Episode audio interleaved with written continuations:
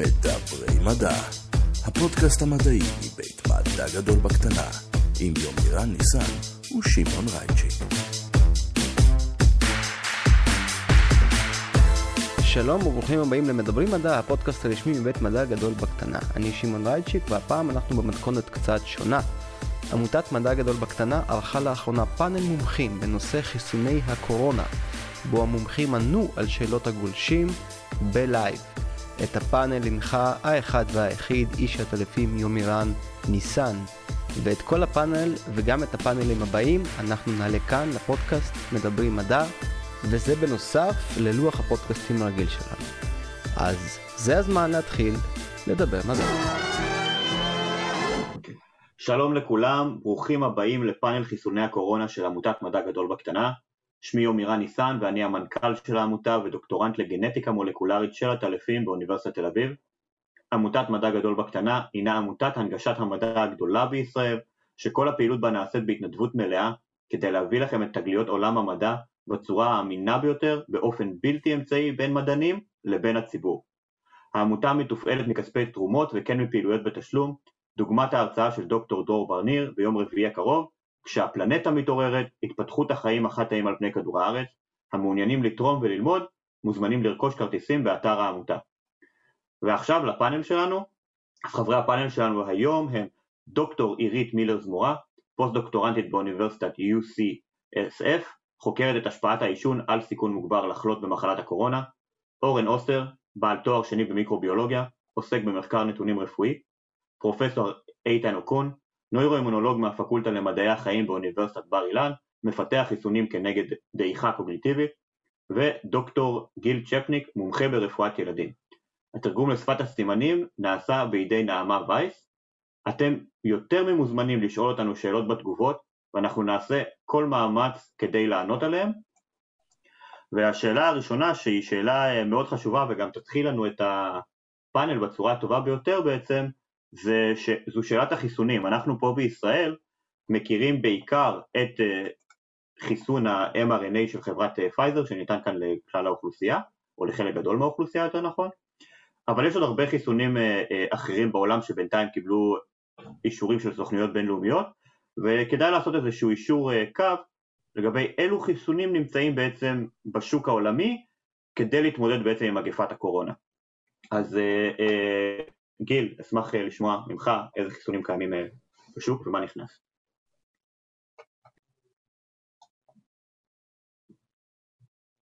גיל, המיקרופון שלך. כן. בישראל אה, החיסונים שאנחנו מכירים הם חיסוני ה-mRNA, חיסון של חברת פייזר, ומעט הוא גם, יש כמות קטנה של חיסוני מודרנה. אלה החיסונים שאנחנו מכירים בארץ, חיסונים שמבוססים בעצם על טכנולוגיה שנמצאת בפיתוח כבר אה, מעל עשר שנים אה, ובא לידי ביטוי בפנדמיה הנוכחית. בטכנולוגיה הזו בעצם אנחנו נותנים בחיסון הוראות לייצור חלבון, שאותו אנחנו רוצים שהגוף שלנו יזהה. חיסונים אחרים, למשל החיסון של אסטרזניקה, משתמשים בווקטור ויראלי, שאנחנו מחדירים את הוראות ייצור החיסון באמצעות אה, נגיף אחר שהוא לא מזיק לנו.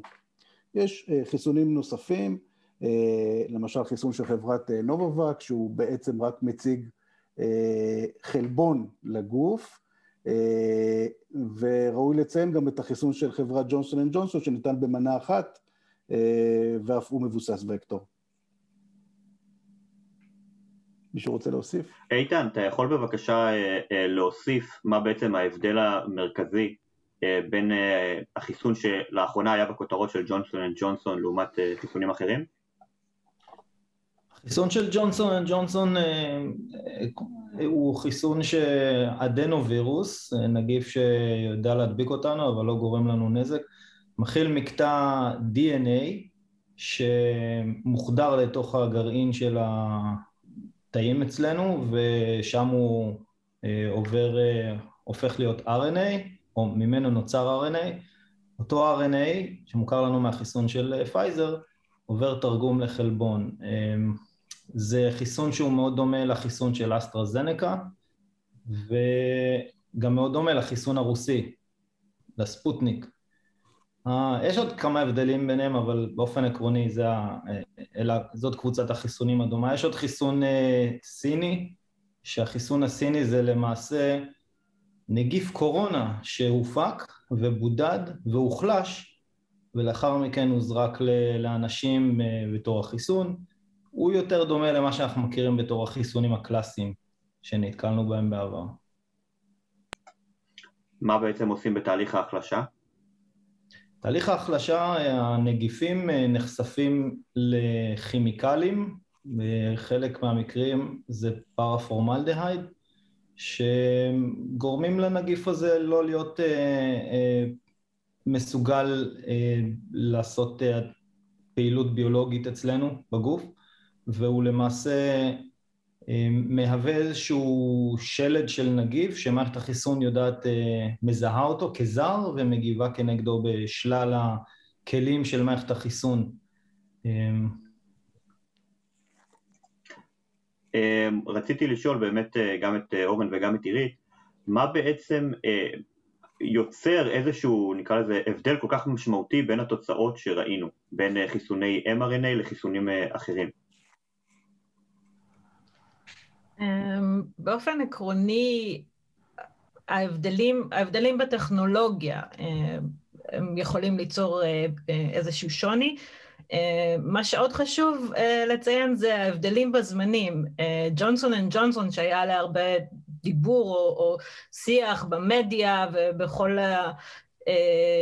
בכל התקשורת, שבעצם הראו כביכול נתונים פחות טובים, הם הראו 77 אחוז יעילות, 57 אה, בדרום אפריקה, והיו כל מיני מספרים שנזרקו לאוויר. אה, אז כמה דברים. קודם כל, ג'ונסון אנד ג'ונסון, את הניסוי הקליני שלהם התחילו ב lag, אה, או בהפרש זמן, סליחה, גדול אחרי פייזר ואחרי מודרנה. בשלב הזה ההדבקה בעולם הייתה גבוהה יותר, הווריאנטים, שאנחנו בטח ניגע בהם עוד מעט, אה, היו שונים, הווריאנטים בעצם השולטים והמדבקים יותר היו אחרים, אה, מה שעוד יכול להוביל לשינוי באותה יעילות, וגם בדיקת היעילות נעשתה בצורה אחרת. אם בניסויים של פייזר אה, בעצם נבדקו רק אנשים שהראו סימפטומים, אצל ג'ונסון אנד ג'ונסון בחלק מהמקומות בדקו גם אנשים אסימפטומטיים באופן אה, רנדומלי, באופן אה, בעצם אה, בלתי תלוי, וכל דבר כזה משפיע על הנתונים. מה שכן חשוב בעצם בשורה התחתונה, ולמה החיסון של ג'ונסון אנד ג'ונסון הוא כן מאוד מאוד יעיל וכן מבטיח, 85% יעילות במניעת מחלה קשה, והם הראו 100% יעילות במניעת מוות, כך שאנחנו מדברים על עומס בבתי חולים, על עומס על המערכת, יש לנו הגנה מאוד מאוד טובה אה, מהחיסון הנקודתי הזה. אה, והיתרונות האחרים שלו כמובן הם הובלה בקירור ולא בהקפאה, וייצור מהיר יותר וזול יותר, ככה שאם אנחנו יוצאים רגע מהבועה הישראלית שבאמת המצב בה יחסית לחיסונים ממש ממש טוב, ומסתכלים על העולם כי כולנו רוצים לחזור להיות אנשי העולם הגדול, כמו שהיינו קודם, אה, זה באמת אה, תוצאות מאוד מאוד מבטיחות. גם, גם החיסון של אה, אסטרוזניקה ב-real world study הראשון, אני חושב שפורסם מאדינבורו, אוניברסיטת אדינבורו, הראו שהוא אה, יעיל ב-94 אחוז, אני חושב, במניעת אשפוזים אחרי מנה אחת, אה, וזה יותר גבוה אפילו מחיסון המסנג'ר RNA. אז באמת אחד הדברים שמדברים אה, עליהם הרבה זה, זה כמות הנוגדנים שנמצאת אצל אנשים.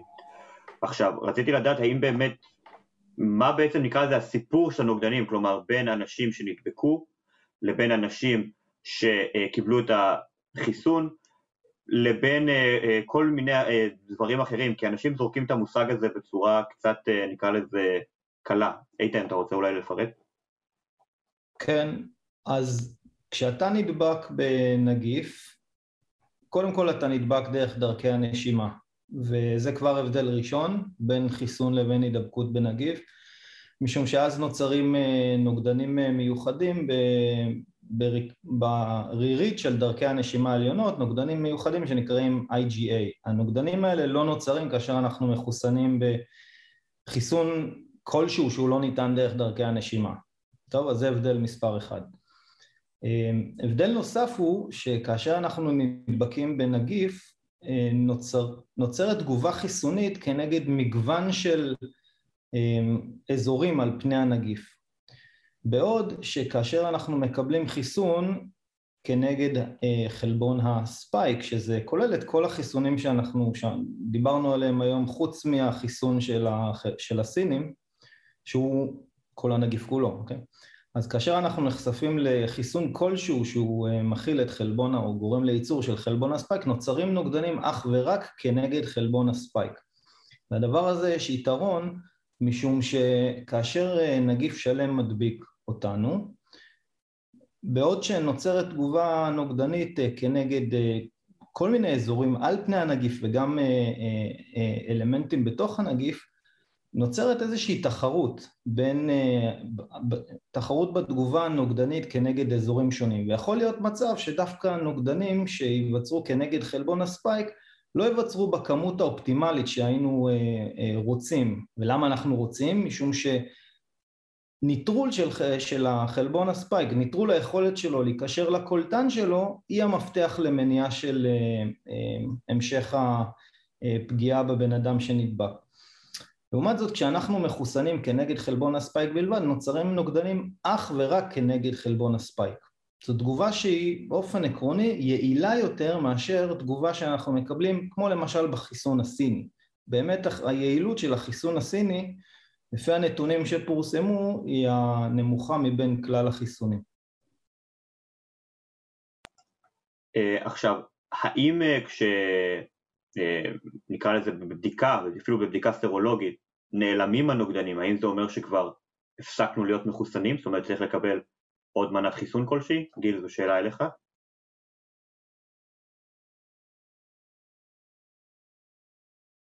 הוא על מיוט. גיל המיקרופון. Uh, השאלה היא האם אחרי מחלה אנחנו צריכים עוד חיסון.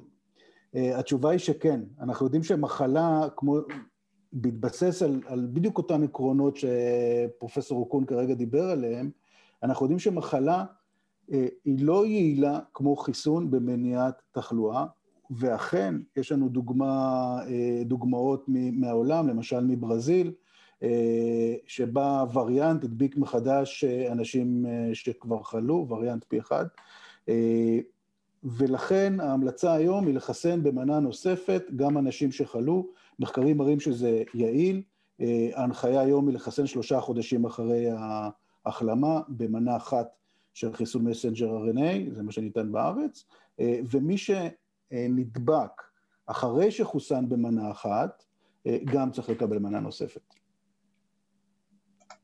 אה, התחלת לדבר שנייה רגע, גם עירית קודם הזכירה את זה לגבי וריאנטים, אחד ה... אז בואו שנייה רגע נדבר על הווריאנטים. אורן, בוא תעשה לנו איזה שנייה, איזשהו סדר בווריאנטים שיש לנו היום, ונמשיך משם. אז קודם כל יש המון וריאנטים.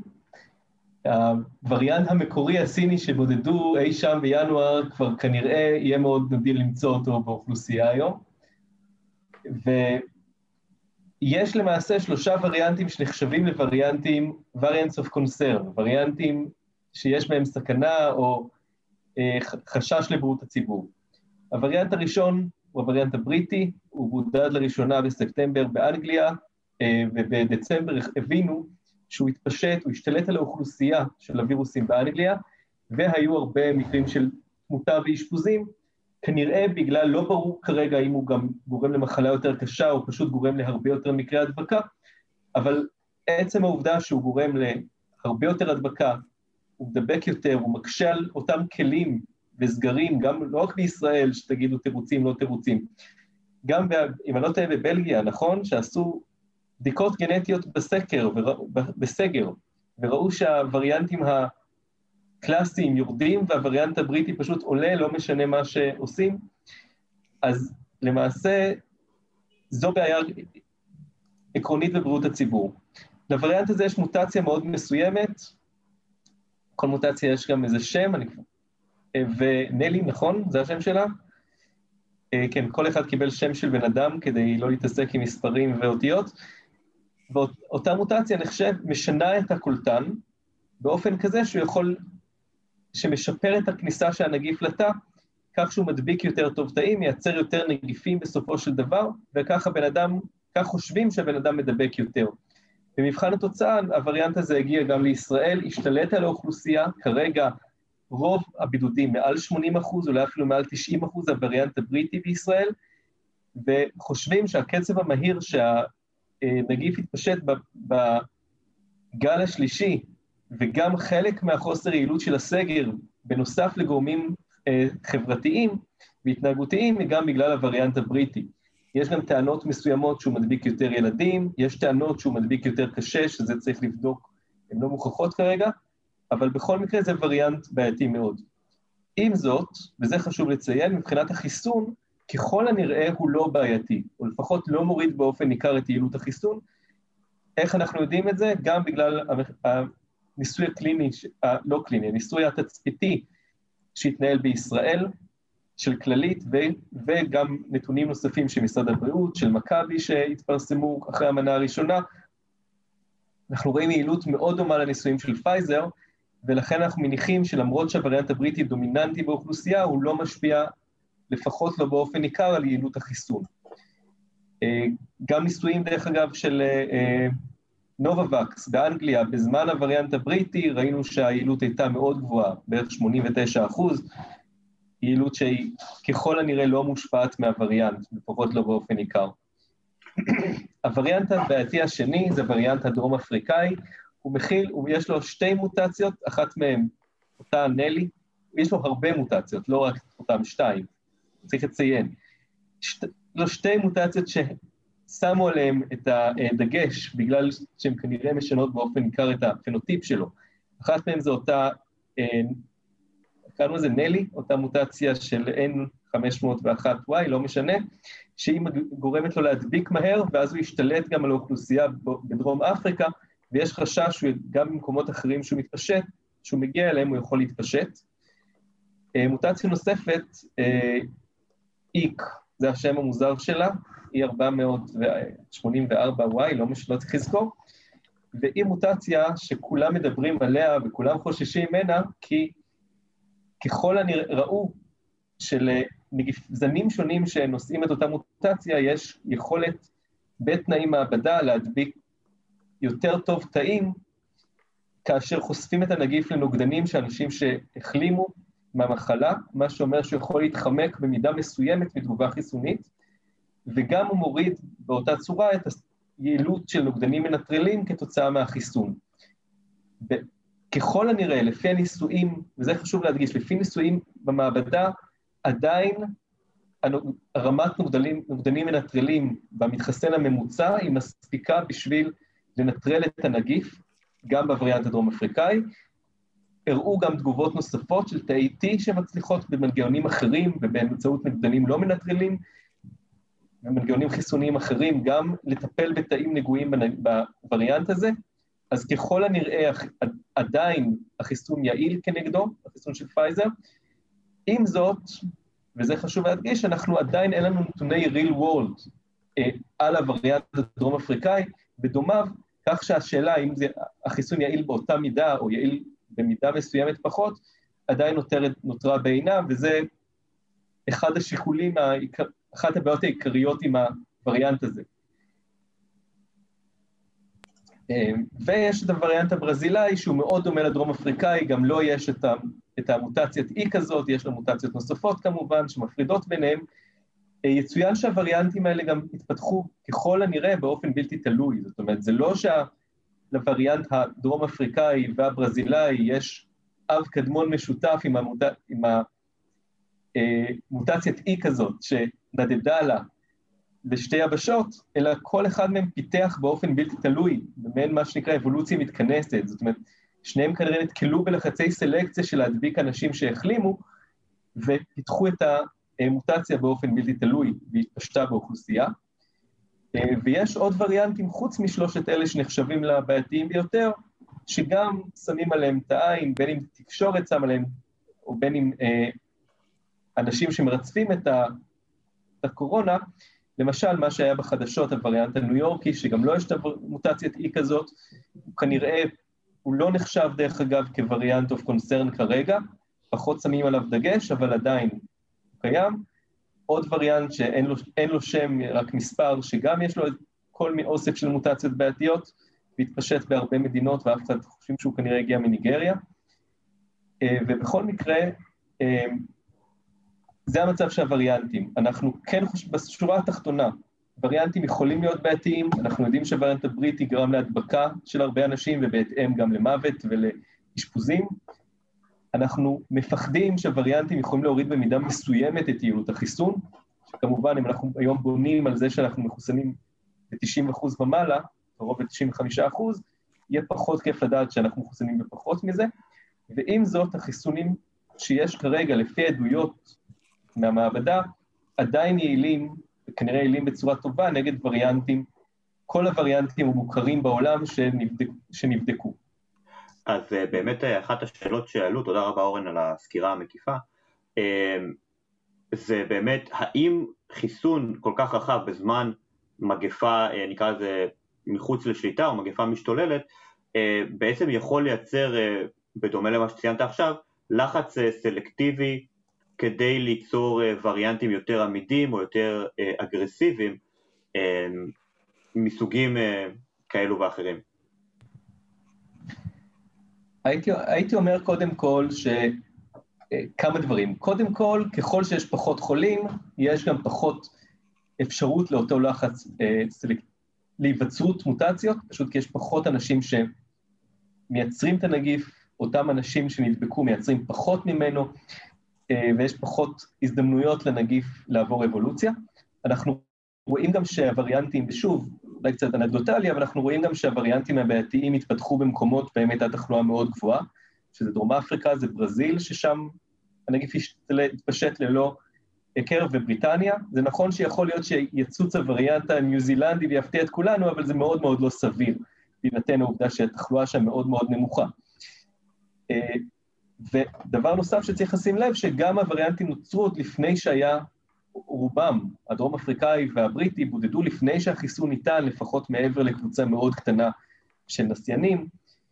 אה, ופשוט עצם העובדה שהנגיף עובר את האבולוציה שלו, עצם העובדה שהוא נחשף למחלימים שגם הם, יש להם רמה מסוימת של נוגדנים, וכנראה גם רמה שהיא פחות מהרמה שמתחסנים, מה שמאפשר איזו הדבק...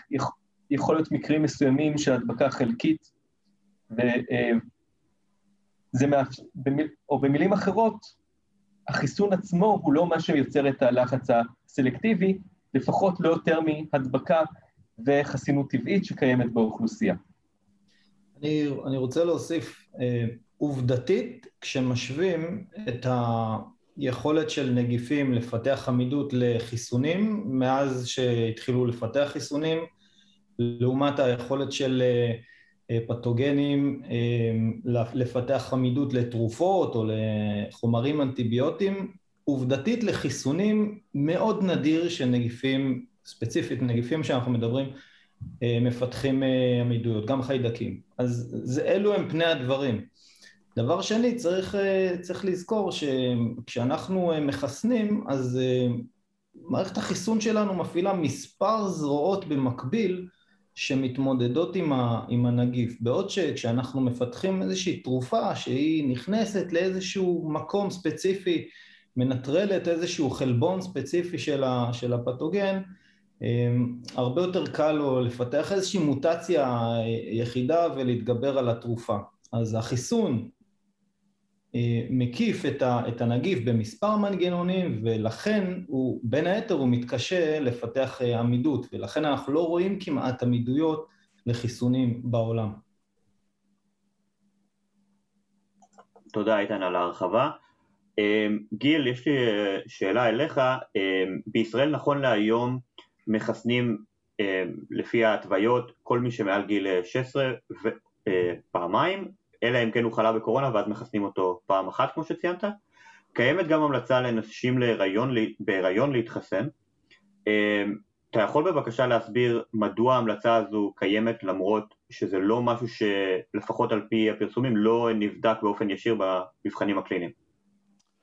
אה, בעצם זה, במחקרים קליניים בדרך כלל אנחנו לא בודקים נשים בהיריון. זו אוכלוסייה שאנחנו לא, שאנחנו לא מכניסים בכלל בדרך כלל מחקרים קליניים, ואנחנו מחכים פעמים רבות או למחקר ספציפי לנשים בהיריון, אני מדבר על השגרה, אה, או שעוקבים לאורך שנים אחר נשים בהיריון שחוסנו בכל זאת, ויש לנו, למשל לחיסוני שעלת וטטנוס, יש לנו המון המון מידע על זה, על נשים שהן חוסנו כשהם לא ידעו שהם בהיריון, או אה, כשהם נפצעו ונזקקו לחיסון טטנוס, לאורך עשרות שנים יש לנו את האינפורמציה הזאת.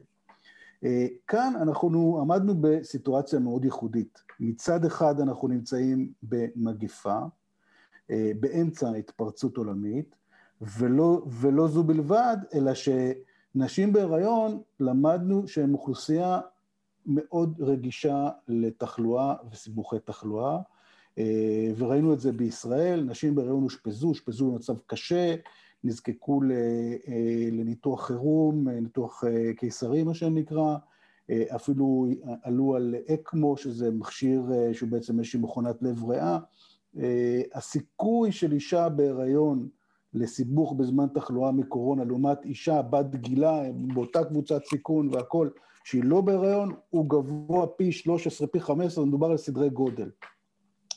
ואז נשאלה השאלה, מה ההמלצה שלנו צריכה להיות? האם אנחנו צריכים למנוע מנשים בהיריון להתחסן, או להמליץ עליהם אה, אה, על החיסון? ובסוגיה הזו דנו בעצם בכירי החוקרים בעולם, בכירי הרופאים בעולם, אנשים שהתחום שלהם הוא חיסונים בהיריון, הוא תרופות בהיריון, גינקולוגיה, מיילדות, אה, רפואת ילדים, נאונטולוגיה, אה, וההחלטה הדי גורפת אה, בכל העולם היא שכן יש להמליץ לאנשים בהיריון להתחסן, בגלל כל מה שציינתי עד עכשיו. צריך להציג את התמונה, אנחנו לא נכנס על אישה בהיריון שלא תתחסן, אבל חשוב, חשוב להציג את, ה, את הנתונים. אנחנו יודעים שחיסונים בהיריון הם לא מסוכנים לעובר, ואפילו יש בהם יתרון, אנחנו מכירים את זה מחיסוני שעלת. אה, היום כל אישה בשליש האחרון של הריון מתחסנת לשעלת, אה, כדי להעביר את הנוגדנים לעובר, והפעולה הזאת, שרוב הנשים בהריון היום מתחסנות לשעלת, פשוט היא מצילת חיים. אה, וההמלצה היא, למשל ההמלצה של ארגון הגינקולוגים האמריקאי, של ה-CDC, אה, גם של אה, משרד הבריאות הישראלי, היא להציע את החיסון אה, לנשים בהיריון, ואני אישית ממליץ על כל, אנשים, כל האימהות במרפאה שלי להתחסן, ואני מסביר את הרציונל כאן. חשוב להסביר, חשוב לדבר בגובה העיניים ולתת את כל הנימוקים, ו, ואני חושב שזו הפעולה הנכונה לעשות. אני רוצה רק להוסיף אה, שתי נקודות. אה, בנושא הזה, אה, ללא ספק העניין של אותו שיקול סיכונים, המחלה מול החיסון, הוא שיקול מאוד מאוד חזק באמת באותה בחירה של, של האם לעתיד להתחסן. נתונים שאנחנו עוד יודעים, חלק, חלקם או רק מתחילים להצטבר או נמצאים בפרסומים שהם בארכיב או לפני ביקורת עמיתים, אה, כן מראים ש, אה, שהחיסון כנראה לא, אה, הוא לא פוגע, או עד כמה שידוע, באמת, כמו שאמרת, גיל, לא פוגע בעובר. כשעשו בדיקות, או יש עכשיו כמה חיס, פרסומים ככה שנכנסים להרכיב, שבודקים נשים אחרי לידה, בודקים להם בעצם את חלב האם, אה, אנחנו רואים, הם בעצם מראים מעבר של נוגדנים, יש, יש איזושהי כמות נוגדנים אצל נשים שחוסנו פעמיים, אה, מה שאומר שיכול להיות פוטנציאל של העברה לעובר, ואין ספק שעוברים קטנים זה משהו, אה, או תינוקות קטנים, סליחה, זה משהו שצריך להגן עליו. יש גם איזושהי case report שמראה העברה בדם הטבורי. אה, שזה דברים מאוד מאוד חשובים. לעומת זאת, הנושא שקצת עלה, שקצת או הרבה עלה לכותרות, נושא הפוריות או פגיעה פוטנציאלית בפוריות. אה, עד עכשיו לא נראתה איזושהי השפעה על פוריות, אה, לפחות לא בניסויים. אם אנחנו מדברים על הניסויים הפרה-קליניים, השלב בעצם שלא לא עבדו על בני אדם, אלא עבדו בחיות, וכן נבדקה התגובה הזו בחיות. בשלושת החיסונים שקיבלו אישור, מודרנה, פייזר וג'ונסון אנד ג'ונסון. אצל פייזר זה לא נכנס אמנם בדיונים הראשונים, אבל עכשיו כשהם מגישים לאישור קבוע, הם מראים שבעצם בניסויים בעכברים, כשניתנו להם החיסונים, ואז עשו להם בעצם auto mating ובדיקות רבייה, ראו שאין שום השפעה על הפוריות. לעומת זאת, אנשים שנדבקו כשעברו על נשים בהיריון, או נשים, או זוגות בטיפולי פוריות, אצל נשים ראו פחות השפעה, כן ראו השפעה בהריונות, מי שנדבקה היא יותר בסיכון לפתח סיבוכים, אבל בטיפולי פוריות כן הראו השפעה אצל גברים. יש איזושהי השפעה במדדים של הזרע למחלה עצמה, לא לחיסון, ולכן יש חשיבות, ודווקא ההפך, הפגיעה היא כנראה אצל החולים ולא אצל המתחסנים. זה, זה נכון לגבי כמעט כל אספקט שאנחנו מדברים עליו בתחום של, שאני פוגש מטופלים ששואלים אותי, מה אנחנו יודעים לסיבוכים לאורך זמן של החיסון? בואו, מה אנחנו יודעים לאורך זמן על הסיבוכים של המחלה? הרי המחלה, יש לה קולטנים כמעט בכל רקמה, לווירוס, לנגיף עצמו, יש קולטנים בכל רקמה בגוף שלנו, הוא חודר ופועל בכל רקמה. בדיוק השבוע פורסם מאמר על ילדים חולי קורונה אה, שאושפזו, או, או, או, או שהיה להם סיבוך מאוחר של, של קורונה, אה, אה, וראו אצלם סיבוכים נוירולוגיים ב-20% מהילדים. משלל סוגים. זאת אומרת, יש למחלה פגיעה נוירולוגית שאנחנו רואים אותה בעין בילדים שאושפזו. מה הפגיעה הנוירולוגית בילדים שאנחנו לא רואים בעין? זאת אומרת, ברפואת ילדים אנחנו מכירים הרבה מחלות שהאפקט שלהם הוא לא מיידי, אנחנו לא רואים את זה בעין, אבל אחרי שנים אנחנו משווים בין ילדים שחלו לילדים שלא חלו, ואז אנחנו רואים את ההשלכות בסיבוכים מאוחרים. וכמו שציינת כאן, זאת אומרת, יש יש לנו מחלה שרוב הסיכוי לאורך זמן שמי שלא יתחסן כנגדה יחלה בה. כשיש אלפי חולים ביום, מספיק לעשות את האריתמטיקה של כמה התחסנו עד היום וכמה לא התחסנו, ולראות שרוב מי שחולה היום, אנחנו רואים בישראל, הוא ממי שלא חוסן, ולהבין שבסופו של דבר כל מי שלא מתחסן, כנראה בתוך תקופה מסוימת יחלה במחלה, וזו השאלה שאנחנו צריכים לשאול את עצמנו. אנחנו רוצים את סיבוכי המחלה, שאנחנו מכירים אותם לאורך זמן, בעוד חודשים ושנים, או שאנחנו רוצים חיסון שאין שום מנגנון ביולוגי שאנחנו מכירים, שבו החיסון הזה יגרום למשהו מאוחר. אין אף חיסון בהיסטוריה, אה, חיסונים שהם הרבה פחות במרכאות טהורים מחיסוני מסנג'ר RNA, אף חיסון לא גרם לסיבוכים מאוחרים, ובוודאי ובוודאי שגם החיסון הזה, שאנחנו לא מכירים שום מנגנון ביולוגי שבו זה יכול להתרחש, אה, לא יגרום לסיבוך מאוחר. אז מה שציינת אה, לגבי החיסון אה, בהיריון, נכון לגבי בעצם הרבה אספקטים של חיסון, חיסוני הקורונה. עכשיו, תודה לשניכם. עכשיו, בהקשר באמת של ענייני הפוריות, הרבה מאוד עוקבים שלנו ובאופן כללי נתקלים בזה לא מעט ברשתות. נשים רבות מדברות על שינויים משמעותיים במחזור החודשי שלהם ממאפיינים שונים. לטענתן אחרי החיסון או בעקבות החיסון, האם אתם מכירים איזה שהם מחקרים בנושא או איזה שהם התוויות בנושא? גיל, שאלה אליך. כן, יש, יש, יש, אנחנו מכירים מחיסונים אחרים שדבר כזה יכול לקרות. עכשיו, קצת הסבר קטן, אני, אני חושב שכשאנחנו רואים הצטברות כזו של דיווחים, אני, אני חושב שחשוב מאוד לבדוק את זה, ואני חושב שיש בזה גם אה, היגיון מסוים, ואני אסביר, אנסה להסביר את זה בפשטות. אה, המחזור החודשי הוא בעצם אה, בנייה של מוכנות לקליטת הריון. אנחנו מכירים הרבה מצבים שבהם הגוף, המנגנונים הביולוגיים בגוף מזהים מצב שהוא לא מתאים כרגע לכניסה של הריון, מחלות שונות, תזונה לקויה, והמצבים האלה בעצם יכולים לשבש את המחזור החודשי, כולנו מכירים את המצב שספורטאיות, יש להן תקופה ארוכה ללא, ללא וסת, וזה פשוט מסיבה, מסיבה שהן נמצאות במאזן אה, אה, אנרגטי שלילי, וזה הגוף מזהה שזה לא מתאים כרגע להיכנס להיריון במצב כזה, או מחלות שונות. אה, בעצם מה קורה בחיסון? החיסון, אה, אחד היתרונות של החיסון הזה שהוא מפעיל לא רק את המערכת ההומורלית, אלא הוא מפעיל גם את המערכת התאית, החיסונית התאית, ובהחלט יכול להיות, ואנחנו מאוד, ובעצם מה שהחיסון הזה עושה, הוא מפעיל תהליך דלקתי בגוף, דלקת טובה, הגוף מפתח נוגדנים, בהחלט יכול להיות שחלק ממתווכי הדלקת שזורמים לנו בגוף אחרי החיסון, מאותתים אה, למערכת ההורמונלית, כרגע זה לא זמן טוב לכניסה להיריון, ולכן זה יכול לשבש את המחזור החודשי. זה משהו זמני, אין שום, כמו שציינתי קודם, אין שום מגנון ביולוגי בו אני רואה אה, אפשרות שהדבר הזה יהיה קבוע, אה, ופשוט צריך להכיר את זה. אנחנו, אני חושב שהצטבר עוד מידע, אה, ונבין יותר את המנגנון שבו זה קורה, ואני לא רואה בזה משהו שהוא אה, מסוכן או בעייתי, אה, זה רק תצפית שהיא בעצם עוזרת לנו להבין יותר את הגוף שלנו בסופו של דבר. תודה.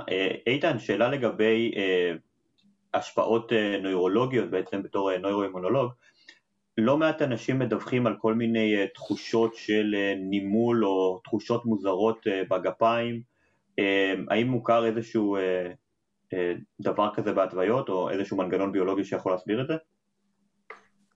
לא, אני לא, לא מכיר אה, תופעות לוואי ידועות מהסוג הזה לאחר חיסון. ידוע שהנגיף בעצמו, או יש עדויות לכך שהוא חודר למערכת העצבים המרכזית ומשפיע על כל מיני דברים, בין היתר למשל שליש מהנדבקים מציגים סימפטומים של אובדן של חוש ריח, אה, אבל אה, כתגובה לחיסון אני לא מכיר אה, תופעות לוואי שכאלה. אוקיי, okay, תודה. בעצם עירית, יש, דיברת קודם על זה שפייזר הגישו אישור קבוע. את יכולה רגע שנייה להסביר בין מה המצב הנוכחי שהחיסון קיבל ובאיזה תהליך הוא עבר למה בעצם הם מכוונים להגיע, מה ההבדלים בין השלבים השונים? אה, כן, אני אנסה לעשות את זה בקיצור. אה, נתחיל מהמצב הרגיל בעצם, אה, מה שקורה באישורים נורמליים או רגילים, ביום-יום, מה שנקרא, בחיים. כשהיו לנו פעם. בעצם יש איזושהי, איזשהו פתוגן, איזושהי מחלה, ומספר קבוצות יכולות לעבוד על איזשהו, איזשהו מנגנון או איזשהו חלבון שהם מוצאים שיש לו איזושהי יעילות, הם יחקרו את זה, הם ימצאו את אותו חלבון או את אותו מנגנון, את אותה מטרה ספציפית שכנגדה יכוונו את, את אותו חיסון או את אותה תרופה, וברגע שהם מצאו את זה, הם, זה, זה בעצם השלבים, מה שנקרא השלבים הפרה-קליניים. השלב שבו גם בודקים את היעילות, בודקים את המולקולה, איך היא עובדת, האם יש לה איזושהי רעילות, אה, מה המינונים, מה, איך, איך היא תראה במרחב. אה, אחרי זה ילכו לשלב של ניסויים בבעלי חיים, וכשיהיה תיק מספיק גדול ומפורט על היעילות שנעשתה בבעלי חיים, אה, בעצם אותה חברה או מוסד אקדמי, בדרך כלל זה כבר יהיה חברה משיקולים כלכליים, תלך ל-FDA ותיתן את אותה את אותו תיק שמלא בכל העובדות ומה היעילות. ה-FDA יבוא וישב, תשב ועדה, אה, ישבו על אותם אה, נתונים, יחליטו האם זה יעיל וייתנו איזשהו אוקיי או סירוב, האם להמשיך הלאה ולקבל אישור לעשות אה, ניסויים קליניים. זה אותם ניסויים בבני אדם. החברה שקיבלה אוקיי, תתחיל בש, בשלושה שלבים, שלב ראשון, שני ושלישי. בשלב הראשון הם יבדקו את הבטיחות בבני אדם מבחינת המינון, אותו dosage, ריכוז המולקולה הספציפית הזאת והיעילות. כאן ייבדקו גם תופעות לוואי ראשוניות, ובשלב הזה זה שלב של קבוצה קטנה של אנשים. בשלב הבא, אם זה יעבור בהצלחה, הם יקבלו אוקיי להמשיך לשלב השני, אז תהיה קבוצה יותר גדולה, ואז מתחיל השלב בעצם של כפל סמיות, יהיו שתי קבוצות, אחת תקבל את, ה, את אותו אה, חיסון, והשנייה תקבל איזשהו פלסיבו, סליין, משהו שהוא בעצם לא מכיל ויבדקו את ההבדלים ביניהם. השלב הבא יהיה השלב השלישי הקליני, שהוא בעצם כמו השלב השני, רק בהרבה יותר גדול, מסות של אה, עשרות אלפי אנשים. אה, ברגע שיהיו התוצאות האלו, אה, עוד פעם, מגישים את אותו תיק הרבה יותר גדול אל ה-FDA, אה, הם דנים זה דברים שלוקחים חודשים, שנים, בעיקר כי הוועדות האלו, לוקח להם זמן להתכנס, לוקח להם זמן להחליט החלטות, צריך הכל להגיש בניירת, זה לא עובד באימיילים, זה לא עובד בצורה זריזה. אמ, ואם בעצם יתקבל האישור, אותה חברה, משיקולים כלכליים, כי בעצם אה, תהליך פיתוח והתהליך ייצור עולים המון המון כסף, רק אחרי השלב השלישי יתחילו לייצר. אה, כל, השלב, כל הדברים האלו לוקחים שנים של מחקר, שנים של אותה עבודה בירוקרטית אה, במצב הנורמלי. אה, מה, קורה, מה קרה עכשיו? ב, ב, למה יש לנו חיסון תוך שנה? זה נובע מכמה סיבות. קודם כל, זה מצב של פנדמיה עולמית, זה איזשהו מצב חירום, ולא סתם זה נקרא אישור חירום, כי יש לנו מיליוני נדבקים בעולם, החיים של כולנו הפסיקו, ולא רק בארץ, אלא בכל העולם. אה, כולנו הפסקנו אה, לצאת מהבית, אה, לעשות את כל מה שעשינו. זה מצב חירום. יתרון מאוד מאוד גדול היה שנגיפי הסארס היו מוכרים, כך שהיו מעבדות שעבדו עליהם שנים. לשמחתם, או לצערנו, אבל לשמחתם שאותם מעבדות, היה להם ידע מוקדם. כבר שנים חוקרים את, ה, את אותו חלבון ספייק. אה, ספציפית באותה מעבדה ב-NIH או במקומות אחרים. אה, כך שהיה ידע מוקדם. ובעצם אה, היה פה שילוב בין האקדמיה לתעשייה, לממשלים, שקודם כל שפך המון כסף, כן? פיתוח תרופה עולה מיליארדים. הניסויים הקליניים, הפיתוח, אפילו הבקבוקון המאוד מאוד קטן, כדי שהוא יהיה מאוד יעיל והחומר לא יידבק אליו, הוא לא יישאר בו, זה הכל דורש פיתוח והכל הוא כסף. אז שפכו על זה המון המון כסף. ברגע שמסירים בעיה כלכלית, כולנו, אני חושבת, יודעים מהחיים של כל אחד מאיתנו, ברגע שיש כסף, החיים שלנו הרבה יותר קלים ויותר מהירים בדברים שאנחנו יכולים לקבל אותם. אה, דבר שני, גם העניינים הבירוקרטיים קיבלו תאוצה. זאת אומרת, במקום שאני אשלח ל-FDA את התיק של, בתור עובדת פייזר, אני לא, אבל נגיד שאני אחת כזו, זה יעלה להם לראש הרשימה. זה הדבר הראשון שהם יטפלו, עשו ועדה שמתמקדת רק בהם, מולה גם יש ועדה מייעצת חיצונית לפייזר ולמודרנה ולאסטרזנקה, לג'ונסון אנד ג'ונסון, היו ועדות חיצוניות שבדקו אותם כל הזמן בגלל הרגישות של הדבר הזה. יודעים שאנחנו רוצים למצוא פתרון בזמן קצר, אבל אנחנו צריכים שזה יהיה בטוח, אנחנו צריכים שזה יהיה יעיל, אה, ואנחנו צריכים, בעיקר, בעיקר, בעיקר הבטיחות הייתה מה שנקרא בראש מעיינם. אז כל השלבים הראשונים, הפרה-קליניים, נעשו באותו, אה, באותה תקופת זמן מבחינת כמה שלקח. אה, הדבר היחיד שהואץ פה זה הכסף והבירוקרטיה. כשהלכו לשלב הקליני, בעצם החברות המובילות לקחו סיכון מאוד מאוד גדול על עצמן, ואפילו במהלך הניסויים הקליניים התחילו לייצר מה שנקרא mass production, ייצור המוני של אותם חיסונים, כדי שברגע שה-FDA ייתן את האוקיי שלו, הדברים האלו יוכלו uh, לצאת החוצה. Uh, בנוסף, ה-FDA נתן אפשרות לחברות, בעצם ברגע שהם יראו יעילות מספיק גדולה בש... בפאזה הראשונה של השלב הקליני, לעשות את השלבים השני והשלישי במקביל. זה לא אומר שהם יבדקו פחות אנשים, אלא זה אומר שבעצם אה, לקראת שלב שתיים, שכששלב שתיים הגיע לסיום, אבל עוד לא היו את כל התוצאות, ניתוח סטטיסטי וכל הניתוחים המאוד מאוד חשובים שעושים אחרי כל השלב הזה, החברה יכלה לעבור לשלב השלישי. אה, דבר נוסף שהם אישרו, וזה באמת כאילו האישור יוצא הדופן, אה, מעקב רק שחייב חודשיים מסיום המנה השנייה. זאת אומרת, כדי לראות את אותן תופעות ארוכות טווח, אה, שבדרך כלל ידוע מהקליניקה וידוע מניסיון עבר, תופעות לוואי יכולות להיות בימים הקרובים לחיסון, אולי שבועיים אחרי, חודשיים זה כבר תקופת זמן מאוד ארוכה שבדרך כלל אחריה לא, לא נראות אף תופעות. ולכן זה הספיק בשלב הראשון ל-FDA.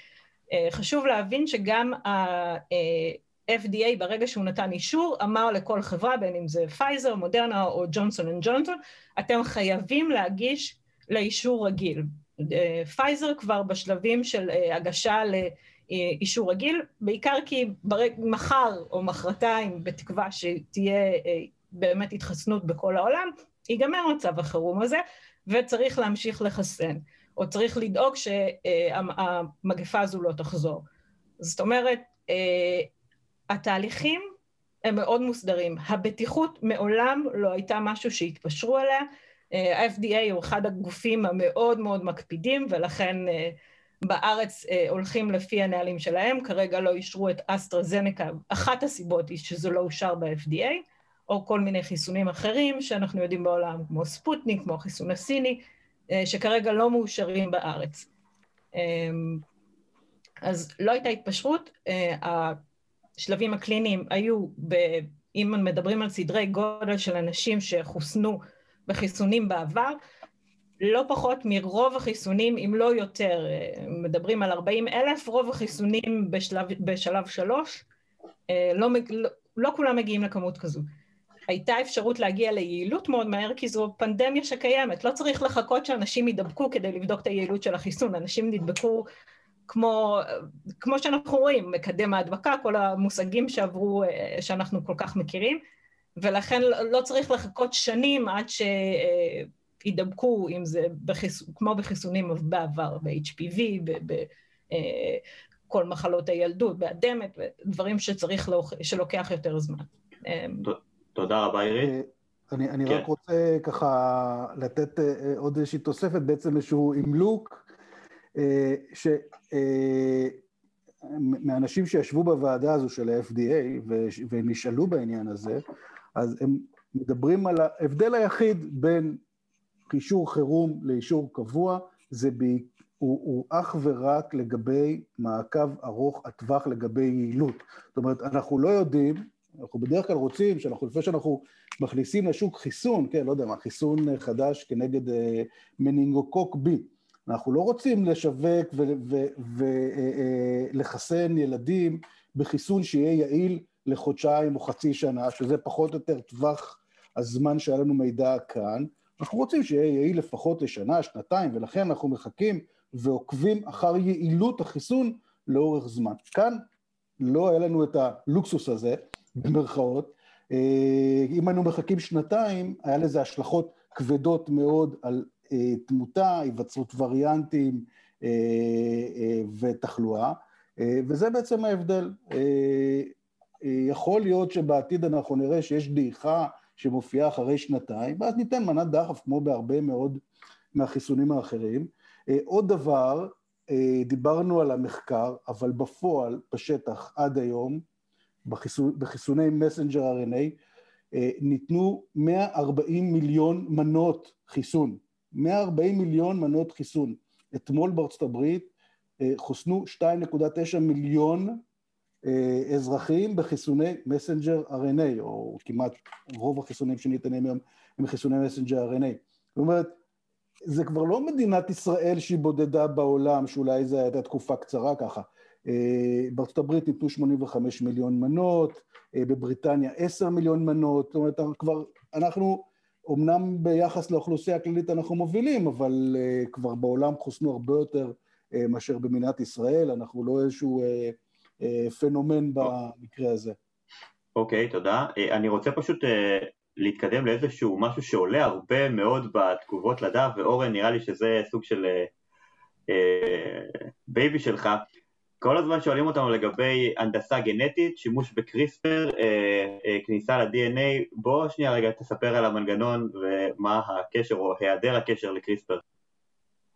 וואו, איך להכניס קריספר לקורונה. אז בגדול, אה, אנחנו לא הולכים להנדס תינוקות תלמידי קורונה. מדברים, יש בדיקות קורונה מבוססות על קריספר, זה כן, בארץ לדעתי לא משתמשים בהן. יש טכנולוגיה מסוימת של שימוש בקריספר בשביל... רק רגע, שנייה, סליחה שאני... זה, קפצת ישר לדבר על קריספר, רק תן מילה קטנה מה זה קריספר. אוקיי. איך הגענו לזה? בכל מקרה, קריספר זה מערכת חיידקית שפועלת לחיתוך של חומצות גרעין או DNA או RNA, במנגנונים שונים לחלוטין שהתפתחו ועברו בין חיידקים, ובני אדם למדו, גילו רק בשנות, ה... רק בתחילת שנות האלפיים בכלל גילו את המנגנון הזה ומה הוא עושה, ולקראת 2012-2013 למדו להשתמש בו כהנדסה גנטית, ומאז זה הפך ל... מעבר לפרס נובל ששתי חוקרות, פרופסור ג'ניפר דודנה ומנואל שרפנדיה קיבלו השנה, זה גם הפך למילת קוד כזאת בטכנולוגיה, כי משתמשים בה להרבה דברים, ומעבר להנדסה הגנטית שפיתחו לפני כעשור. בין היתר, אחת, גילו מנגנונים מסוימים של קריספר שחותכים או DNA או RNA במקום בצורה מדויקת, כמו שאנחנו אוהבים בהנדסה גנטית, בצורה מאוד לא מדויקת, פשוט מזהים באופן מאוד מדויק רצף, ואז חותכים הרבה DNA או RNA בלי שום אה, בקרה, והשתמשו בטכנולוגיה הזאת בשביל לייצר הגברה של אה, ייצור של סמן, כדי לייצר בדיקות שהן פחות או יותר דומות לבדיקות הריון או בדיקות סרטוקוק בגרון שמבוססות על קריספר. אה, מעבר לזה, אין, אין כרגע שימוש בטווח הקרוב לפחות בקריספר, מעבר לתחום הדיאגנוסטי, ההבחנה. תודה, תודה רבה, ידעתי שתאהב את זה. איתן, רציתי בעצם לשאול שאלה גם אה, מאוד גדולה שעולה אה, שוב ושוב ושוב. אם אני קיבלתי את החיסון כראוי, לא משנה עכשיו איזה חיסון, מנה אחת או שתיים, אה, אז למה אכפת לנו שאחרים יתחסנו או לא יתחסנו? האם יש איזושהי, נקרא לזה השפעה, האם אני כמחוסן עדיין יכול להדביק לדוגמה? האם אני, מה הסיכוי שלי להידבק? יש, יש כמה צדדים לשאלה הזאת. קודם כל, הנתונים עכשיו מתחילים להראות שאנשים שהם מחוסנים, היכולת שלהם אה, להדביק אחרים היא נמוכה יותר. ולא יראו את זה באופן ישיר, זאת אומרת, עדיין לא עשו מחקר שמראה שאם אני חוסנתי, אני מסוגל להדביק פחות אנשים, אבל כן עשו מחקר שהראה שאנשים שהם מחוסנים, יש להם פחות נגיפים בדרכי הנשימה.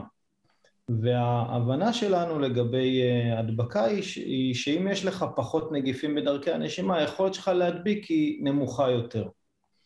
כלומר, אם אותה, אותו בן אדם בוחר אה, שלא להתחסן, הוא לא רק אה, משפיע על היכולת או על הפגיעות שלו, מידת הפגיעות שלו בעצמו, אלא הוא גם נמצא במצב שבו הוא עלול להדביק אנשים אחרים באופן משמעותי יותר מאשר אנשים שהם מחוסנים.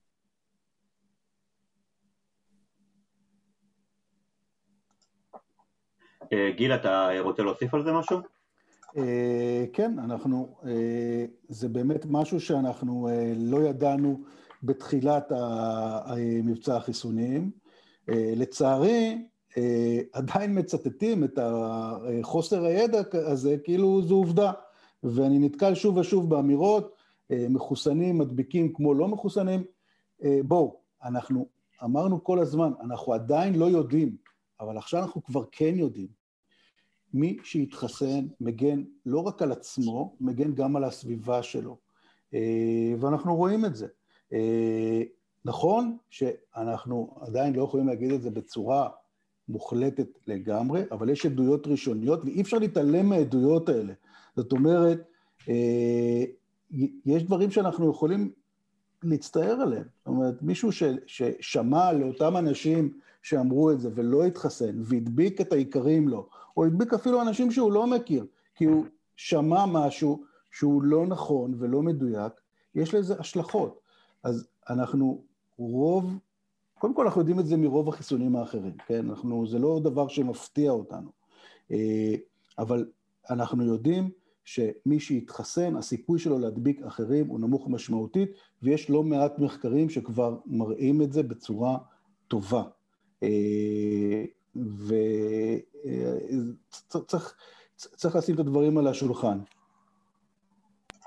תודה. אמ, רציתי גם לשאול, אה, איתן, מה יודעים אה, מבחינת אה, השפעות ארוכות טווח? האם אמ, יודעים מה יכולות להיות השפעות ארוכות טווח של קבלת החיסון, בין אם על מערכת העצבים או על מערכות אחרות בגוף?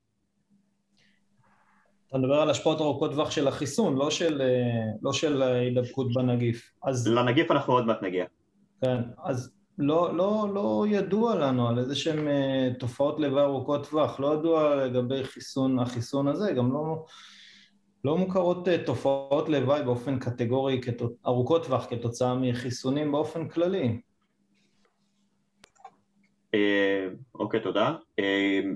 גיל, יש לי בתור רופא ילדים, מה בעצם המצב בקרב ילדים? האם יש להם יותר, סיכוי יותר גבוה אולי להידבק, גם אם הסיכון שלהם, אנחנו, אנחנו יודעים שלשמחתנו הסיכון שלהם למות מהמחלה הוא נמוך משמעותית משל אנשים מבוגרים יותר, אבל מה הסיכוי שלהם להדביק אחרים, לפתח אולי בעצמם לונג קוביד, שאנחנו נגיע לזה עוד מעט, והדבר הכי אולי חשוב, מתי כבר יהיה אפשר להתחיל בעצם לחסן ילדים?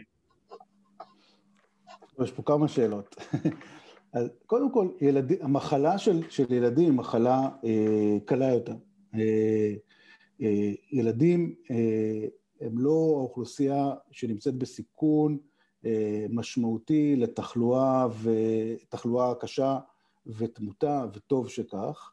אה, מצד אחד, ומצד שני, מכיוון שמדובר באוכלוסייה צעירה שמתפתחת וגדלה, אז כמו שציינתי קודם, אנחנו, יכול להיות שאנחנו נפגוש בהשלכות אה, של המחלה הזו בשנים שיבואו, דיברו פה על פריון, אנחנו יודעים שהנגיף עצמו פוגע באנדוטל של כלי דם, גם בילדים שחוו מחלה קלה, ויכול להיות, אני רק מעלה היפותזה, אני לא פה בא להפחיד או משהו, אבל אם דבר, דיברנו על מנגנונים ביולוגיים, בהחלט יכול להיות שהתהליך הזה באנדוטל עלול לסכן אה, אה, מי שחלה כילד בעתיד בתחלואה קרדיו-וסקולרית. אז, אז נכון, הם לא חולים עכשיו, אבל יכול להיות שיהיו סיבוכים מאוחרים. לונג קוביד אנחנו רואים פחות בילדים מאשר במבוגרים, אבל רואים פה ושם, זה בטח לא מה שאנחנו רואים באוכלוסייה מבוגרת. יש תופעה ייחודית ש, שנקראת אה, מיס סי, אה, שזו איזושהי אה, מחלה אה, דלקתית רב-מערכתית בילדים שדומה לתסמונת קווסקי, רואים אותה אה, בחלק מהילדים שחלו, מופיע מספר שבועות אחרי המחלה. לי במרפאה היה ילד כזה לפני שבוע, אה, בזמן שדיברנו אז האמא שלחה לי פה אס.אם.אס אה, ושאלה אותי על הבדיקות שלו. אה, אז יש, אז אנחנו אה, כן רואים תחלואה אה, בילדים, כמו שציינתי קודם, כן יש ילדים שחולים, כן ילדים שחולים בצורה קשה. בארצות הברית, מדינה עם תחלואה הרבה יותר משמעותית, מספר הילדים שלצערי נפטרו מקורונה הוא גבוה ממספר הילדים שמתים כל שנה משפעת, ואנחנו יודעים שלשפעת יש לנו חיסון. אה, ומה לגבי חיסון בילדים? אז נכון להיום, אה, אה, החיסונים, החיסון של פייזר נבדק מגיל 16, שזה גיל נוער, הוא נבדק בימים אלה. החיסון של פייזר על 3,000 ילדים והחיסון של מודרנה על עוד כ-2,000 ילדים בגילי 12 עד 15, שזאת תהיה הקבוצה הבאה שתתחסן. אה, בתנאי שהמחקר אה, יסתיים בהצלחה. חשוב לציין שמחקרים אה, על ילדים הם קצת שונים מאשר מחקרים למבוגרים מבחינת המתודולוגיה. אנחנו לא יכולים להסתמך על תסמינים, כי ילדים מגלים מעט תסמינים, אז לא נדע אם החיסון יעיל או לא.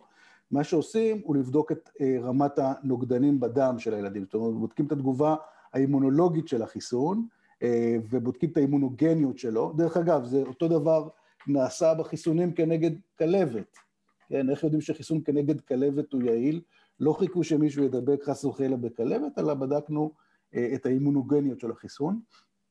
אה, אז פה אותו דבר אנחנו עושים, בודקים כמובן אחר אה, בטיחות החיסון באותם 3,000 ועוד 2,000 ילדים, 5,000 ילדים, בודקים את האימונוגניות של החיסון, ואנחנו מצפים שהחיסון יהיה יעיל באוכלוסייה הזו בדיוק כמו באוכלוסייה בוגרת יותר. השלב הבא יהיה אה, לבדוק גילאים צעירים יותר. אני חייב לציין שיש עוד כמו שציינתי, אז יש עוד, עוד חברות, אנחנו לא, לא, לא רק חיסונים של מודרנה ופייזר, אז אסטרזניקה בודקים בילדים, סינובק, שזה חיסון הסיני, בודק כבר עכשיו ילדים מגיל 3 עד 17, בודקים, בודקים ילדים, אנחנו יודעים שבסופו של דבר אנחנו צריכים לחסן ילדים כדי להגן עליהם מסיבוכים ארוכי טווח וכדי בעצם לחזור לשגרה. לא נוכל לחזור לשגרה מלאה כל עוד הילדים שלנו יכלו ו... ואנחנו לא רוצים לסכן אותם. אז, אז זה מה שנעשה בקרב לגבי החיסון בילדים. אני צופה שבחודשים הקרובים אנחנו כבר, בתנאי שהמחקר יסתיים בהצלחה, נוכל להתחיל לחסן ילדים. תודה גיל. אורן, רציתי לשאול לגבי אחד, אחד המושגים ששכוחים מאוד בציבור לאחרונה זה לונג קוביד, זאת אומרת מדברים עליו לא מעט, שזה בעצם מצב שבו אנשים שהיה להם את הנגיף חלו ברמה כזו או אחרת, הנגיף אפילו כבר לא מזוהה אצלם בגוף בבדיקה מאוד רגישה, בבדיקת PCR, אבל עדיין מדווחים על תסמינים מאוד מאוד חמורים של תשישות קיצונית, של כאבים מאוד משמעותיים. מה בעצם קורה שם, עד כמה זה נפוץ? בוא תן לנו איזה כמה מילים על הנושא, בבקשה. אז קודם כל, זו תופעה שמדווחת, יש הרבה, הרבה חולים מדווחים על זה שהם סובלים תסמינים ממושכים, זה יכול להיות אובדן חוש טעם וריח ממושך, וזה יכול להיות, חלק מהתופעות אפשר לראות אותן בבדיקות הדמיה, למשל פגיעה בלב, כלי דם וריאות למשל, לאחר המחלה. חלק מהתסמינים אי אפשר לראות בבדיקות, זאת אומרת זה לפי דיווח עצמי על עייפות, על אובדן חוש טעם וריח וכולי. בגלל זה זו תופעה שגם די קשה לחקור אותה, זאת אומרת אנחנו יכולים לבדוק למשל צילומי הדמיה של אנשים שהחלימו, אבל הרבה יותר קשה, וזה דורש הרבה יותר תשאול סובייקטיבי ולשאול בצורה נכונה לגבי תסמינים אחרים, יכול להיות שחלקם גם מדווחים למערכת הרפואית וחלקם לא מדווחים למערכת הרפואית, אז בקיצור זו תופעה שהיא יחסית רווחת, ואני זוכר נכון, וזה היה הפוסט של אה, אה, דוקטור שקד אה, אשכנזי, נכון? אה, קרוב לעשרה אחוז לפי הערכות מסוימות מהמחלימים, משתנה לפי גילאים, אה, וכרגע לא ידוע לגמרי את כל המנגנונים, זאת אומרת זה כנראה שילוב של גם הנזקים שקרו במהלך המחלה לגוף והתגובות החיסוניות שקרו שיכולות להימשך. יכול להיות, יש השערות מסוימות שלפחות אצל חלק מהחולים עדיין יש נגיף או שאריות נגיף פעילות, ואז גם עולה השאלה אם החיסון יכול לשפר את מצב הלון קוביד. קראתי כתבה עם טענה שזה, שבמחקר מסוים לא חזק במיוחד, ראו שכן, אבל זה, זה היה מאוד אנקדוטלי וצריך מחקרים יותר uh, רציניים. ויכול להיות שחלק מהנושאים הם באמת uh, חלק מהטראומה של המחלה וכולי, ולכן כנראה מדובר בתופעה שהיא מאוד מורכבת, יש לה הרבה תסמינים שונים וגם יכול להיות שיש לה איטיולוגיות שונות. Uh, יש uh, כמובן, אם יש למישהו מה להוסיף על הלונג קוביד, כן, לא רק על ה-COVID, אבל אולי גם על, על, בעצם על נגיפי הסארס מהעבר, הנגיף הסארס הראשון, כן ידוע שהיו לו השפעות ארוכות טווח. צריך, צריך רק להגיד, עירית, רק צריך אולי להגיד שאנחנו, כשמדובר על, על הקורונה שיש לנו עכשיו, בעצם השם של הנגיף זה סארס קוב 2, ואת מדברת בעצם על הסארס קוב, או הסארס קוב 1 אם תרצה לקרוא לו. כן. כן. הסארס הראשון, הראשון ל... ל... לפחות בנגיפים ובבני אדם שגרם לתסמונת הכשל הריאתי. אז בעצם באותו שלב שהמחלה הזאת הייתה בעיקר באמת במזרח, בעיקר בסין, יש עדויות ועקבו אחרי מחלימים שהתלוננו גם כן על תס... ממש מגוון גדול של תסמינים, כמו שמדווחים היום, החל בעצם מאותו עיבוד חוש טעם וריח, לעיבוד של, לכל מיני תופעות פיזיולוגיות אחרות, כמו תשישות, כמו עייפות, קוצר נשימה, דיכאון, בעיות בעיניים, בעיות בזיכרון, יש המון, יש מגוון מאוד מאוד גדול וזה מתחבר למה שגיל בעצם דיבר עליו די בהתחלה, בעצם אותו קולטן, ה-A2 נמצא בהמון מערכות בגוף ולכן הפגיעה הפוטנציאלית של הנגיף הזה יכולה להיות בעצם כמעט בכל מערכת. אצל אותם אנשים שהחלימו אז עוד בשנות האלפיים, בתחילת, במגפה ההיא, עקבו אחריהם כשנתיים, וראו שאותן תופעות מתמשכות די הרבה זמן. זאת אומרת, זו לא הפעם הראשונה שרואים השפעות ארוכות טווח בנגיף מהמשפחה הזו. ככה שהתופעה עוד ידועה. כן נפתחות מרפאות מחלימים, יש אחת בשיבא לפחות שאני יודעת עליה, אני יודעת שמסביב לעולם יש המון ניסיון לבדוק את זה, להבין את זה, בגלל כל האטיולוגיות השונות, בגלל שקשה לעקוב אחרי זה, ויש המון גם, זה מגיע בעצם מהמחלימים עצמם, שאולי המחלה אצלם הייתה פחות קשה, אבל התהליך החלמה והיציאה הוא הרבה יותר קשה, וזה מה שחשוב גם לדבר עליו בנושא של החיסונים. כשאנחנו מסתכלים על המחלה הזאת, כי יש אנשים שימותו ממנה, הם בעיקר אנשים מאוד מאוד מבוגרים, או אנשים עם מחלות רקע, הם, ויש להם סיכון מאוד מוגבר למות, ולעומת זאת רוב האנשים אולי יעברו את זה כמחלה סימפטומטית מאוד קלה, אולי בכלל יהיו, לא יהיו להם בכלל תסמינים. יש קבוצה, והעדויות נעות בין 10% ל-30% מהמחלימים, שזה כבר באסה הרבה יותר גדולה של אנשים, שלא יוצאים, ש- שיש להם בעיה בלחזור לתפקוד היומיומי שלהם, לחיים שהיו להם לפני, וחשוב מאוד, וזו עוד אחת מהסיבות לקבל את החיסון, כי את ההשפעות האלו אנחנו, לא, אנחנו חוקרים היום ואנחנו מגלים היום ואנחנו לומדים עליהם ומנסים גם לעזור לאותם חולים. אבל מישהו שאיבד את חוש הטעם והריח שלו, אפילו שזה נשמע משהו כאילו נורא קליל ו- ולא נורא, אפשר לחיות, אבל הוא מאבד טעם לאוכל, הוא מאבד טעם מהמון המון דברים, כאילו תחשבו שהנה פתחו היום את המסעדות, אבל לא תהנו מהאוכל. אז זו תופעה שחייבים להתייחס אליה, ותופעה שרק מחזקת את, את העובדה שחייבים, שכדאי מאוד לקבל את החיסון. באחת, ה, באחת ההרצאות ש, שהעבירו הצו, אחד הצוותים של המרפאות מחלימים, בדרך, בדרך אגב יש בכל בית חולים היום מרפאת מחלימים, והתורים ארוכים, זאת אומרת זה לא משהו שהוא אנקדוטלי. אז סיפרו על שף שאיבד את תחושתם והריח, זאת אומרת פה זה כבר משהו שבאמת נכות בעצם עבורו.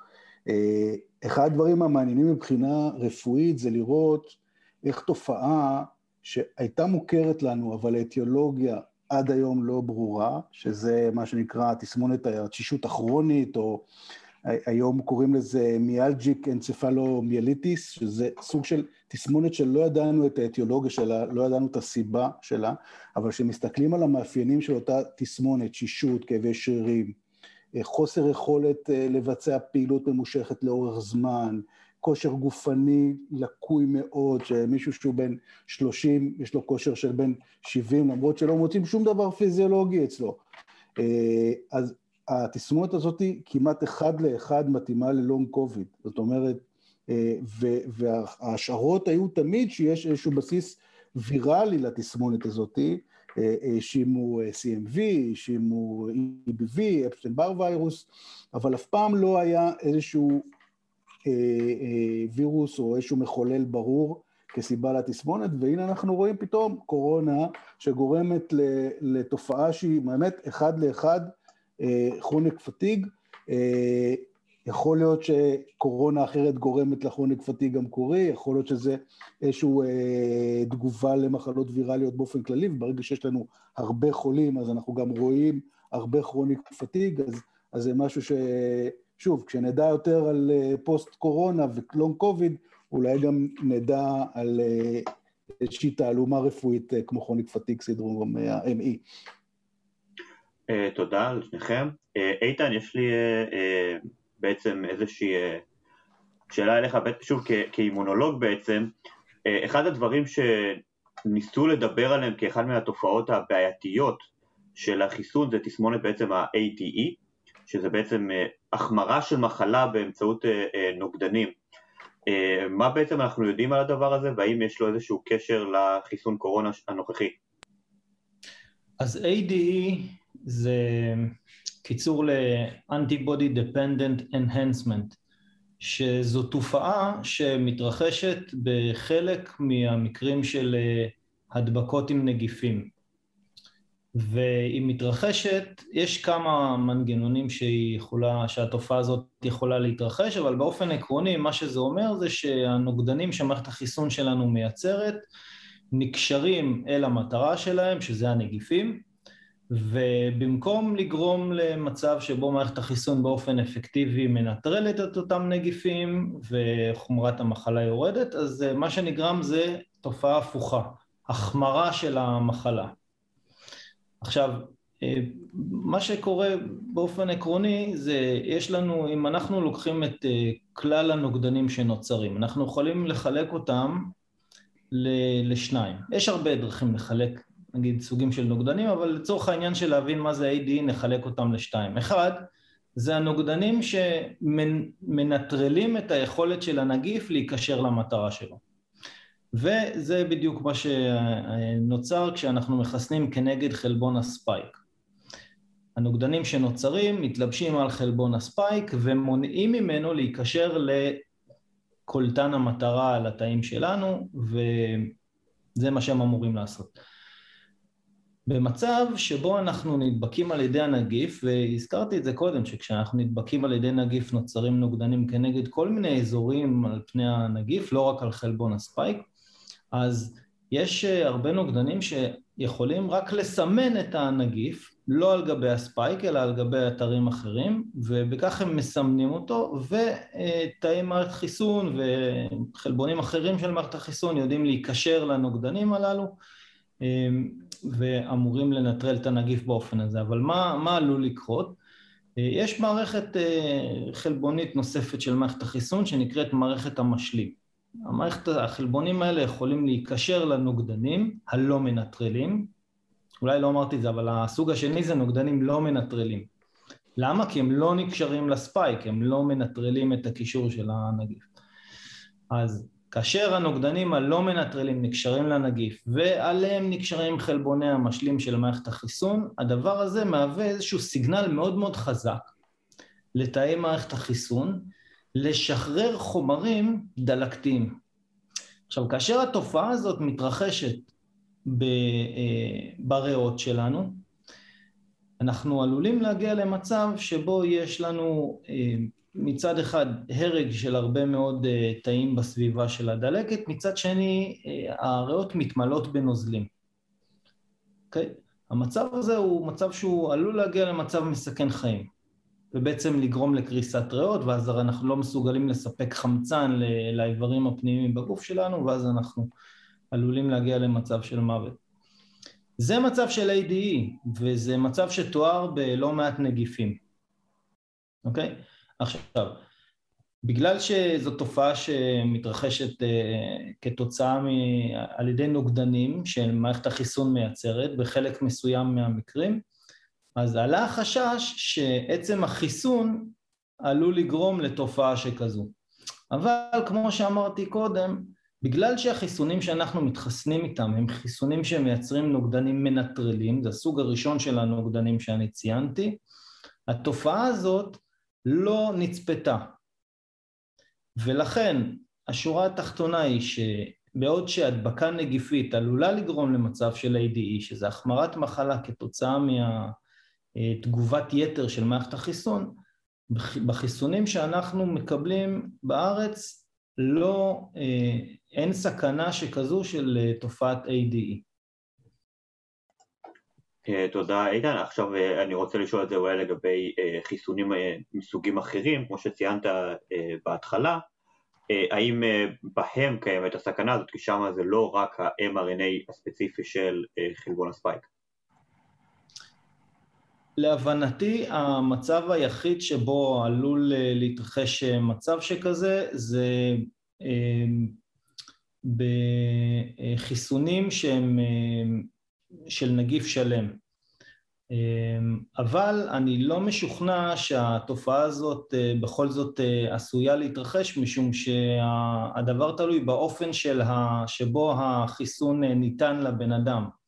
אני חושב שהתופעה הזאת היא רלוונטית בעיקר כאשר אנחנו נדבקים באופן נשימתי על ידי נגיף פעיל, ולאו דווקא על ידי חשיפה גם לנגיף מוחלש באופן שהוא לא דרך דרכי הנשימה. לכן גם שם אני מעריך שהסיכון הוא די נמוך. אורן, רצית להוסיף משהו? אז קודם כל באמת, צריך להסתכל רגע במבחן התוצאה, זאת אומרת, אה, פרופסור אוקו נתן את המנגנונים הביולוגיים, אבל אנחנו יודעים גם שאנשים, כבר במחקרים של פייזר היו אנשים שחוסנו וחלו, ובפועל, במדינת ישראל, במחקר של כללית, כבר היו מספרים יותר גדולים של אנשים שחוסנו וחלו, אנחנו לא רואים מחלה קשה יותר, אנחנו לא רואים תסמונת ADE אצל חולים שחוסנו, ובהרבה מחקרים אחרים, דווקא גם של אנשים שחוסנו וחלו בכל זאת, אני מדבר על חיסונים מהיעילות הפחות גבוהה, שאסטרזניקה וג'ונסון, ג'ונסון וכולי, אנחנו רואים מחלה יותר קלה, זאת אומרת, פחות אנשים שמגיעים לאשפוז וכולי. בעוד שאם הייתה תופעה נפוצה של ADE, היינו מצפים לראות יותר אנשים שמגיעים לאשפוז מבין המחוסנים שבכל זאת נדבקו. ואם אני לא טועה ותקן אותי, יש ADE הכי מוכר בהקשר של דנגי, שזה, בטבע זה וירוס שיש לו שלושה זנים שונים, שכל אחד מהם יכול להדביק אותך. בפעם הראשונה זו מחלה מאוד לא נעימה, בפעם השנייה שזן אחר מדביק, ויש את הנוגדנים הלא מנטרלים שנקשרים לתאים המודבקים או לנגיף, יש מחלה הרבה יותר סוערת, אה, והרבה יותר מסכנת חיים.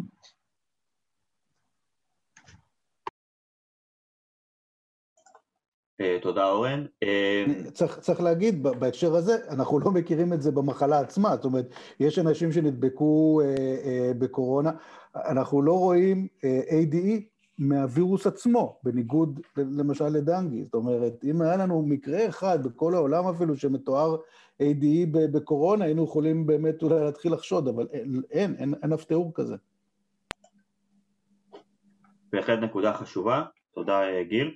אמ, איתן, אה, אה, משהו נוסף, אחד הדברים שמדברים ושואלים הרבה פעמים זה, זה הקטע שעל תעודת התחסנות התוקף הוא לחצי שנה.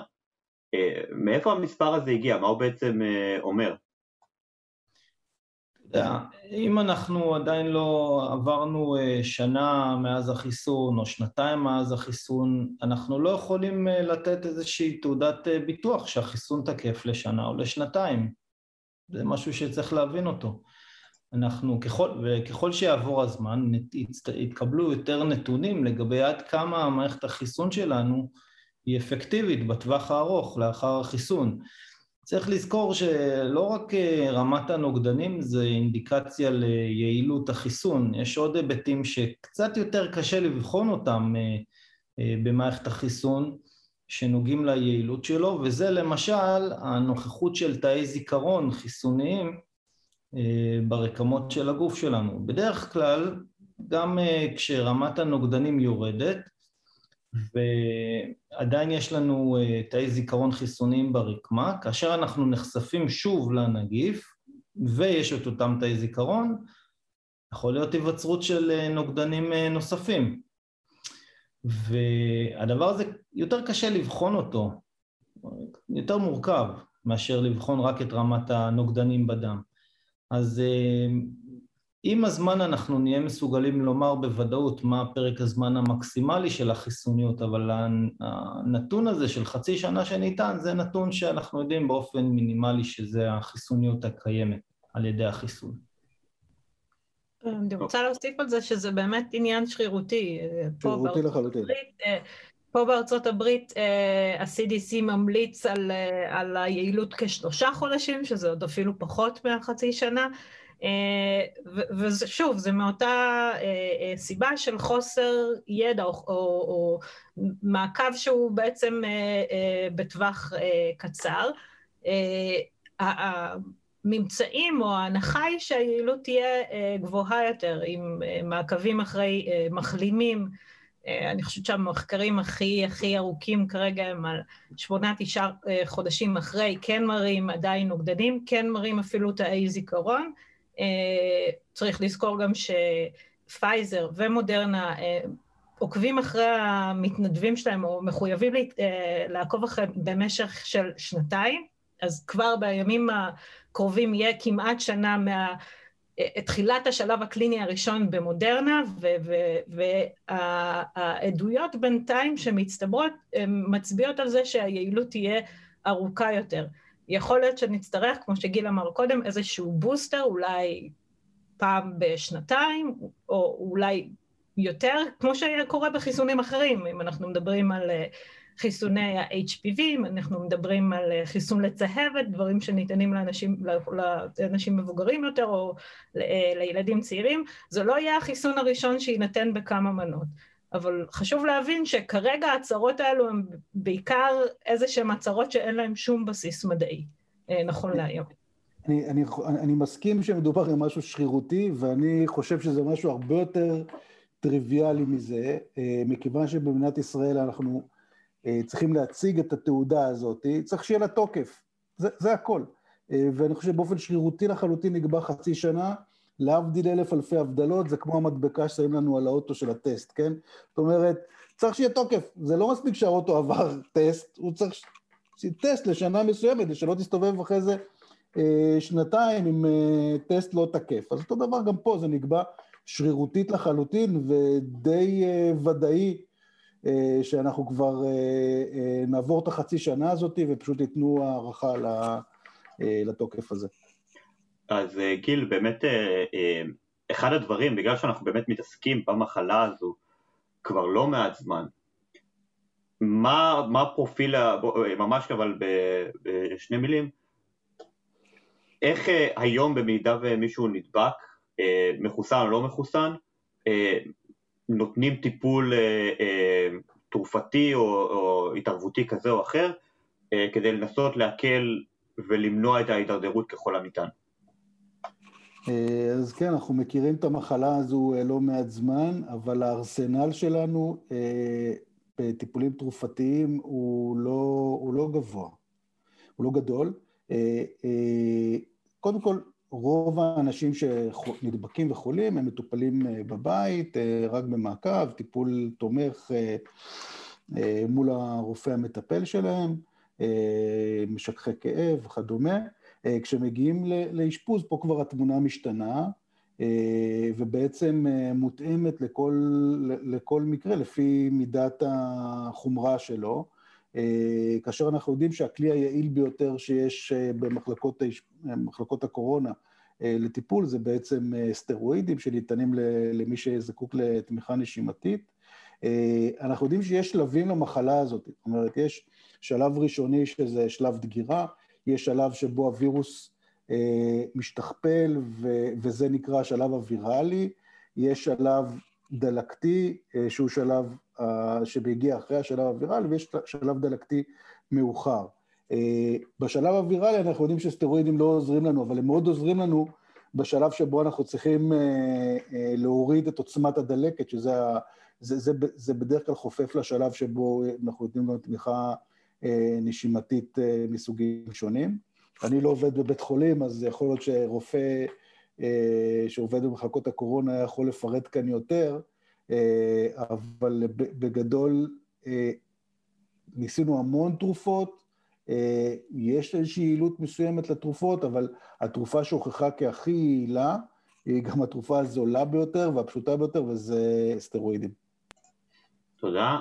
אורן, ממש נקרא לזה שאלה לקראת סיום, לגבי חסינות העדר שמדברים עליה כל כך הרבה. אנחנו היום בישראל עומדים על מעל 80 אחוז מתן חיסונים לאנשים שיכולים לקבל. מתי בעצם אנחנו צפויים להגיע לאיזשהו מצב חסין, חסינות שיוכל לסייע לנו לחזור לחיים שלנו במילים, במילים, במילים פשוטות? זו שאלה טובה. אני חושב קודם כל שזה נושא שכרגע אנחנו חוקרים אותו, זאת אומרת, יש לנו מספיק מחוסנים, יש לנו גם מספיק לא מחוסנים, זאת אומרת, כל האוכלוסייה מתחת לגיל 16 שכמעט כולם, כולם לא יכולים לקבל חיסון. דרך אגב, כדאי, לה, כדאי להגיד גם שיש ילדים שיכולים לקבל חיסון עם מחלות קשות שלהם או של בני ביתם, אבל זה לא קשור לחסינות עדר, זה מאוד מאוד פר מקרה.